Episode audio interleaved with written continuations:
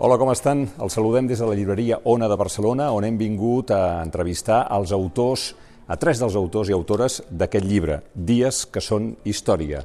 La història dels dies més increïbles de la nostra vida, els del mes de març, d'abril, de maig, de juny d'aquest any 2020 que tantes ganes tenim de perdre de vista.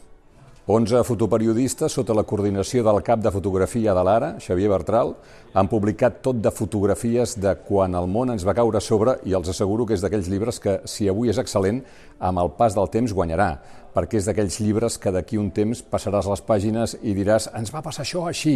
Al principi no teníem mascaretes, la Rambla de Barcelona estava buida, sense turistes, van tancar les escoles, ja no van obrir fins al setembre, no podies entrar a la residència de l'àvia, es van disparar les cues per buscar menjar, sortíem als balcons i a les finestres aplaudia els infermers i infermeres, vam estar setmanes sense sortir al carrer, els aparcaments dels hospitals van convertir-se en tanatoris. I quan ens van desconfinar vam omplir les costes i les muntanyes. Les fotografies d'aquest llibre encara avui són recents perquè moltes de les coses que s'hi expliquen no han acabat de passar i algunes encara les tenim. Per exemple, a Catalunya encara tenim 454 persones ingressades en estat greu per Covid-19 als nostres hospitals i la setmana passada van morir 289 persones a Catalunya per Covid-19. Sí, menys que la setmana anterior, però 289 persones en una setmana estem parlant de 40 morts diaris per aquesta malaltia. Per això, quan som a 24 hores de començar un pont que ja s'endevina que serà massiu, és molt important que ens comprometem entre tots a que aquest pont no acabi sent fatídic i dispari aquestes xifres i malmeti el que penséssim que podíem fer per Nadal.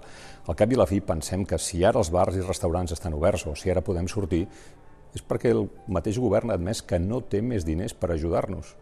I per tant, i des d'aquest punt de vista, és important que mantinguem la necessitat de restringir els contagis a base, naturalment, de restringir els contactes. Si no hi ha contacte, no hi ha contagi. Penseu que, a més a més, el govern té previst la setmana, la setmana que ve continuar la següent fase de la desescalada i deixar-nos sortir al cap de setmana ja del municipi i moure'ns per dintre la comarca. En aquest punt recordo el missatge que va escriure ahir el president del Col·legi de Metges de Barcelona, Jaume Pedrós. Les xifres sanitàries no són bones. Si us plau, en nom dels professionals sanitaris demano que no us relaxeu en el manteniment de la distància, l'ús de la mascareta, la higiene i la ventilació, i en minimitzar trobades a casa de grups no bombolla. No us feu trampes no és tant sacrifici. Penseu que França i Alemanya han demanat a la Unió Europea que no es permeti que els ciutadans europeus vagin en massa, eh, es moguin per Europa a les estacions d'esquí del continent. Eh, I, de fet, a Àustria les obriran, les pistes d'esquí, però no moltes. I saben per què? Perquè els hotelers de la zona els compensa més rebre les ajudes del govern si continuen tancats que no pas obrir i intentar fer negoci. Per desgràcia, no és el nostre cas. Mentrestant, a Madrid, la presidenta Díaz Ayuso va inaugurar ahir un hospital de campanya. No està acabat, encara no està clar per què servirà, tampoc té una plantilla clara, només un equip de coordinació, cap pacient hi ha posat els peus, no té quiròfans, però ahir la presidenta Ayuso va inaugurar aquest hospital de pandèmies. S'ha construït amb contractes a dit d'emergència en només 100 dies i ha costat 100 milions d'euros, el doble del que es va anunciar inicialment. I el ministre Salvador Illa va plantar Ayuso i va enviar a la inauguració la seva número 2 complim les mesures. Aquest cap de setmana, si marxem demà de pont, recordeu que no podem sortir del municipi on anem. Fem el possible que aquest llibre sigui el testimoni d'una època que ja va passar.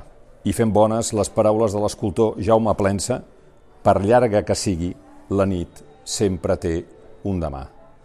El nostre reconeixement pels que treballen a primera línia de la Covid, pels que la pateixen, pels presos polítics i els exiliats, i que tinguem un bon dia.